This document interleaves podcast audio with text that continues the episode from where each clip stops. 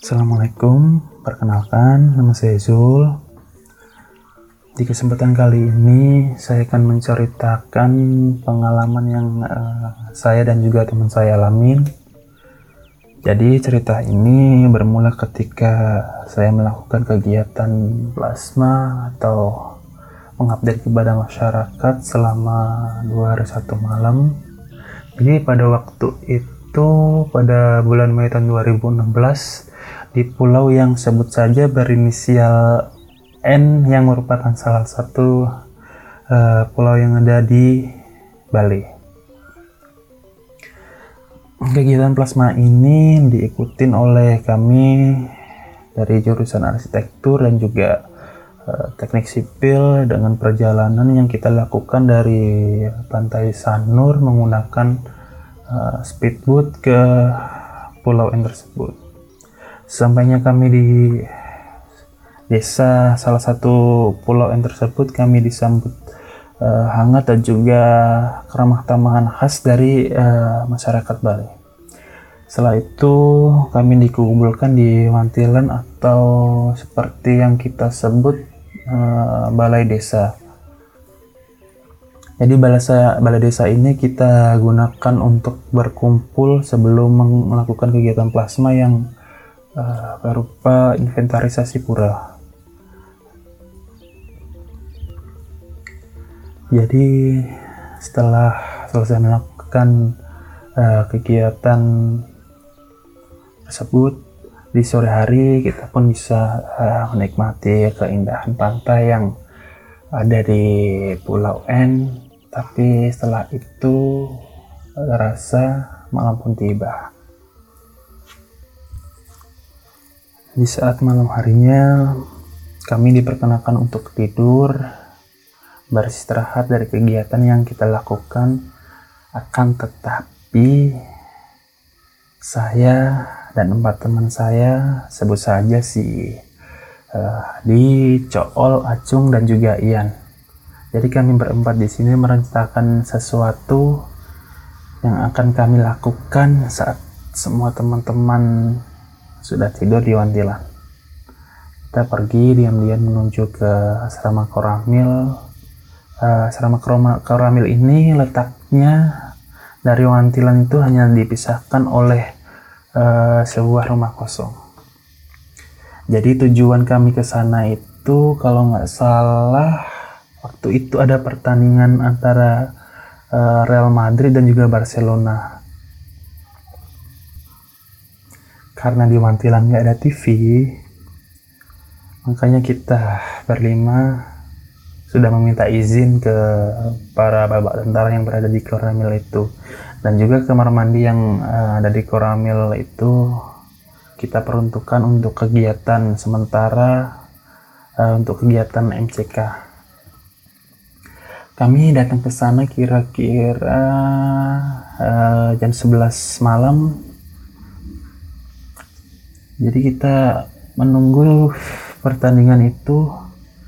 Ya kami di sana di teras itu sambil nongkrong-nongkrong ngopi-ngopi jadi malam itu nggak ada yang aneh sama sekali dan hingga tanpa saya sadari saya tertidur di teras dan terbangun di jam 3 pagi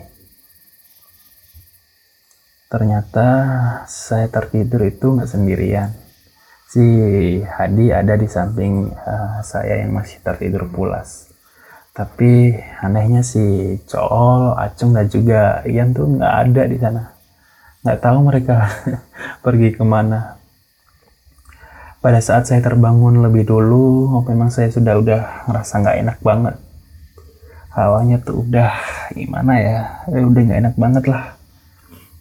Terus uh, saya ngelihat ke sekeliling, dan saat mata saya uh, melihat ke sebelahnya Hadi yang berada di teras yang tingginya sekitar uh, 50 cm dari permukaan tanah, di bawahnya. Hadi itu ada empat ekor anjing. Jadi uh, dia tiduran itu sambil ditemenin oleh anjing. Nah si anjing ini kayak gimana ya? Ngeliatin ngeliatin saya terus. Dan di situ rasa gimana ya? Agak yang awalnya hawanya udah gak enak malah makin aduh merinding banget pokoknya di waktu itu jadi setelah itu saya mencoba untuk bersikap uh, seperti uh, biasa saja. Kemudian singkat cerita saya uh, ingin ke kamar mandi dan pergilah saya ke kamar mandi. Meninggalkan si Hadi sendiri yang masih uh, tertidur pulas. Saat saya sudah berada di kamar mandi tiba-tiba lampu kamar mandi mati Nah tidak lama pintu kamar mandi yang uh, ada di sana itu digedor-gedor. Aduh, kirain apaan? Ternyata itu si Hadi. Itu udah sempet gimana ya? Aduh, udah istighfar banget itu. Jadi dia datang itu kayak uh, nafasnya tuh udah kayak terengah-engah banget gitu. Dan mukanya tuh agak gelisah setelah udah selesai, saya tanyalah ke Hadi. Loh, kenapa mukamu kok seperti gelisah gitu? Nah, si Hadi menjawab, nggak ada apa-apa Zul, kata si Hadi. Udah, biasa aja, biasa aja, ada apa? Oke, habis itu si Hadi cerita. Jadi, tadi aku kebangun itu karena tiba-tiba ada yang lari kaki Zul. Terus kok gelap, aku ngelihat sekeliling kok cuma tinggal aku doang yang ditebing sama ekor anjing gitu empat ekor anjing maksudnya di situ aku uh, mulai panik sambil nahan kencing. Aku buru-buru ke toilet. Eh ternyata ada kamu ya. Syukurlah ternyata aku sendirian. Itu kata si Adi. Nah singkat cerita setelah itu kita dari kamar mandi langsung memutuskan untuk kembali ke Wantilan. Karena ya kita pikir si Cool dan juga Acung Ian pasti udah kembali ke sana. Kita kembalilah ke Wantilan jadi karena uh, listriknya mati itu benar-benar gelap di sana. Jadi kita berjalannya tuh emang pelan-pelan banget. Nah pada saat kita uh, berjalan kita berdua tuh mencium seperti uh, bau dupa. Jadi bau dupanya itu uh, nyengat banget. Dan bau dupanya bau dupanya itu nggak familiar buat kita berdua jadi kebetulan kosan saya yang di Denpasar itu depannya ada ada Patma. Jadi Patma ini itu kayak pura-pura kecil yang uh, digunakan uh, untuk sembahyang ya untuk sembahyang buat uh, dari eh, teman-teman kita yang beragama Hindu. Jadi setiap hari itu saya mencium bau dupa di kosan. Tapi bau dupanya itu harumnya seperti aromaterapi nggak seperti yang kita cium pas berjalan itu. Baunya tuh gimana ya? Beda banget gitu loh. Nggak familiar. Nah setelah di situ kita mencium bau dupa nggak ada angin nggak ada apa. Tiba-tiba banyak anjing yang pada menggonggong. Dan setelah ada anjing menggonggong itu seperti ada bunyi lonceng. Bunyinya tuh kayak uh, lonceng yang ada di sapi. Nah, kerincing kerincing. Dan setelah itu nyusullah bunyi-bunyinya seperti uh, apa tuh? Orang mukul di batok kelapa gitu loh. Tuk tuk tuk. Habis itu kerincing kerincing kerincing. Nah di situ saya penasaran dengan bunyi yang uh, saya dengar itu. Tanyalah saya ke Hadi. Suara apa kak Dani adik Nah si Hadi menjawab, sing nawang cang ninjul suara apa kak nih? Maksudnya saya bertanya ke Hadi, suara apa nih Hadi? Nggak tahu Zul ini suara apaan. Lalu Hadi ngomong, udah dah, udah nggak enak banget aku ngerasanya kalau jam segini udah dengar-dengar suara kayak ginian. Waktu itu kita sudah ngelewatin asrama Kromil, tapi dari jauh itu saya melihat sosok yang gede banget jadi gedenya tuh aduh astagfirullahaladzim. Jalan yang kita lewatin itu kan kira-kira uh, lebarnya 6 meter nih. Nah jalan itu keblok sama sosok tersebut. Jadi jalan aspal yang lebarnya kira-kira 6 meter itu dan sepadannya tanah uruk masih kan masih terbanyak uh, masih banyak pohon-pohon besar nih. Dan juga terdapat yang listrik. Yang tinggi tiang listriknya itu kira-kira 7 sampai 8 meteran lah. Nah, dahan dahan dahan pohon pada uh, pohon itu kan nyangkut ke kabel listrik dan juga sampai ke jalan. Jadi tinggi sosoknya itu sampai nyentuh dahan-dahan pohon itu. Jadi ya uh, bisa dibayangkan lah tingginya itu seperti eh apa. Nah, setelah itu saya langsung refleks istighfar astagfirullahaladzim apaan itu Hadi si Hadi dengan cemasnya uh, bilang udah nggak apa-apa jalan seperti biasa aja semakin mendekat bentuknya itu uh, semakin kelihatan nah di situ uh, saya tetap stay positif thinking aja lah oh mungkin ini uh, salah satu seorang warga yang membawa ogoh-ogoh untuk pertunjukan uh, sore nanti setelah kita selesai berkegiatan plasma. Tapi di situ saya penasaran lagi. Biasanya kalau ogoh-ogoh itu kan eh, nggak eh, mungkin lah ya dibawa satu orang aja.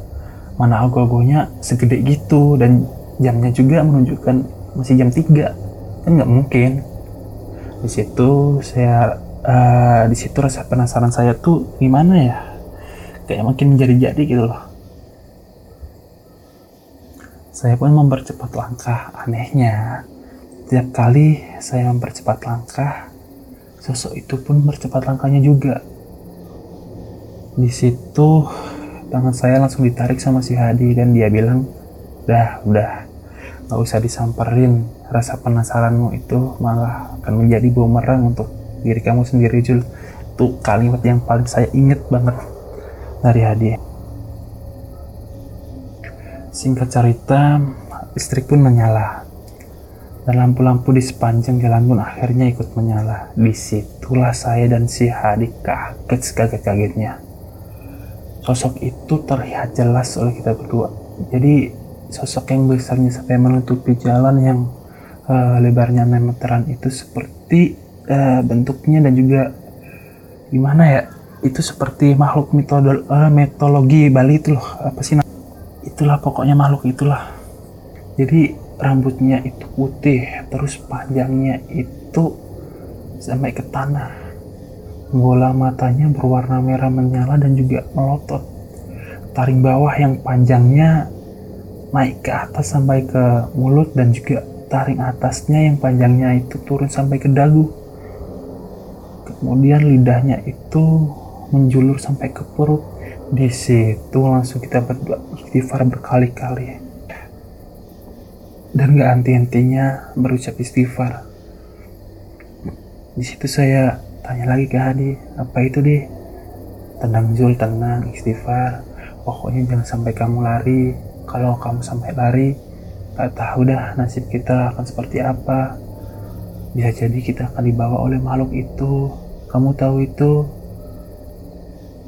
Saya jawab ya makanya kasih tahu bu. Kalau saya tahu mah nggak mungkin saya penasaran dari tadi si Hadi berpesan ke sekali lagi kan oke aku kasih tahu teman lu apaan tapi ingat jangan sampai kamu lari di sini Hadi menjawab dan kalimat itu benar-benar saya ingat sampai sekarang Astagfirullahaladzim, Astagfirullahaladzim. Itu Dazul yang dinamakan Rangde. Di situ kepala saya terasa seperti besar dan berat. Dada juga terasa sesak. Kaki juga gimana ya, lemes banget. Dan juga berat buat melangkah. Di situ Adi langsung merangkul saya dan juga uh, udah nggak bisa berkata apa-apa lah si Adi nggak henti-hentinya bilang ke saya istighfar Jul istighfar di situ langkah si Hadi juga semakin dipercepat karena sambil merangkul saya, saya udah gak bisa ngapa-ngapain, udah mematung lah ibaratnya. Tapi anehnya, kita percepat langkah, makhluk itu pun malah menjulurkan tangannya ke samping. Jadi kira-kira seperti uh, orang yang mau uh, mau nangkep ayam itulah, yang di mana di situ terlihat banget kuku-kukunya yang uh, panjang dan juga agak melengkung. Makhluk itu pun semakin mempercepat langkahnya juga hingga pas momen di mana jarak kurang lebih 22 uh, 2 meter dari hadapan kita tuh makhluk itu. Saya di situ terhenti dan juga terdiam melihat ke atas ke arah wajah makhluk tersebut. Badan udah bener-bener kaku, nggak bisa bergerak. Jadi di situ tanpa saya sadarin, pas terhenti itu di depan gapura pintu masuk ke arah wantilan di situ si Hadi langsung menurut saya sekuat-kuatnya ke arah uh, samping sampai kita berdua terguling dan masuk ke area wantilan.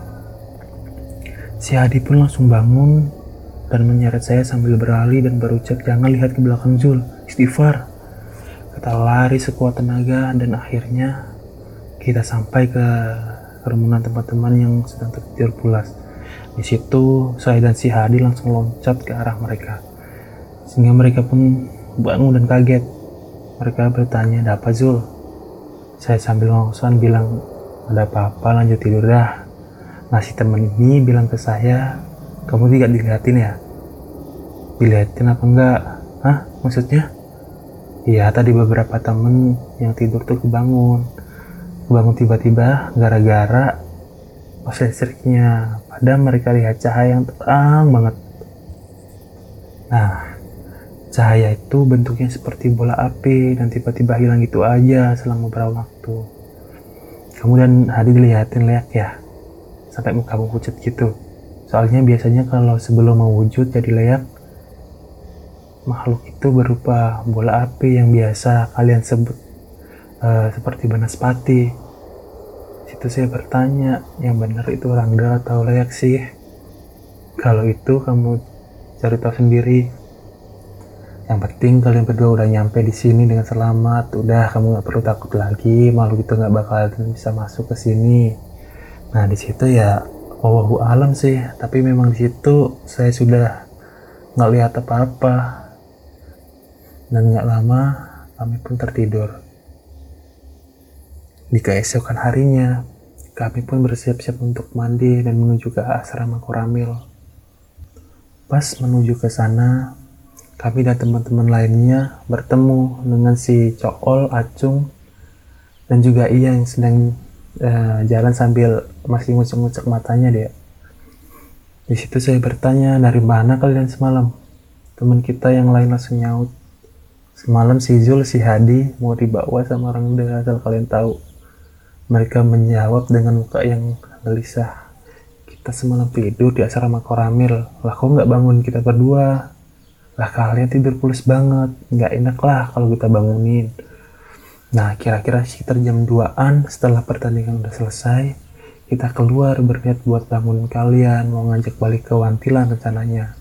Eh ternyata kalian berdua udah nggak ada di situ langsung saya potong nggak ada gimana maksud kamu aku itu terbangun jam 3 pagi jam 2an pagi ya masih di teras lah. Di situ mereka bertiga merasa kebingungan dan si Acung langsung menjawab oh mungkin ini yang dimaksud bapak tentara. Hah? Maksudnya?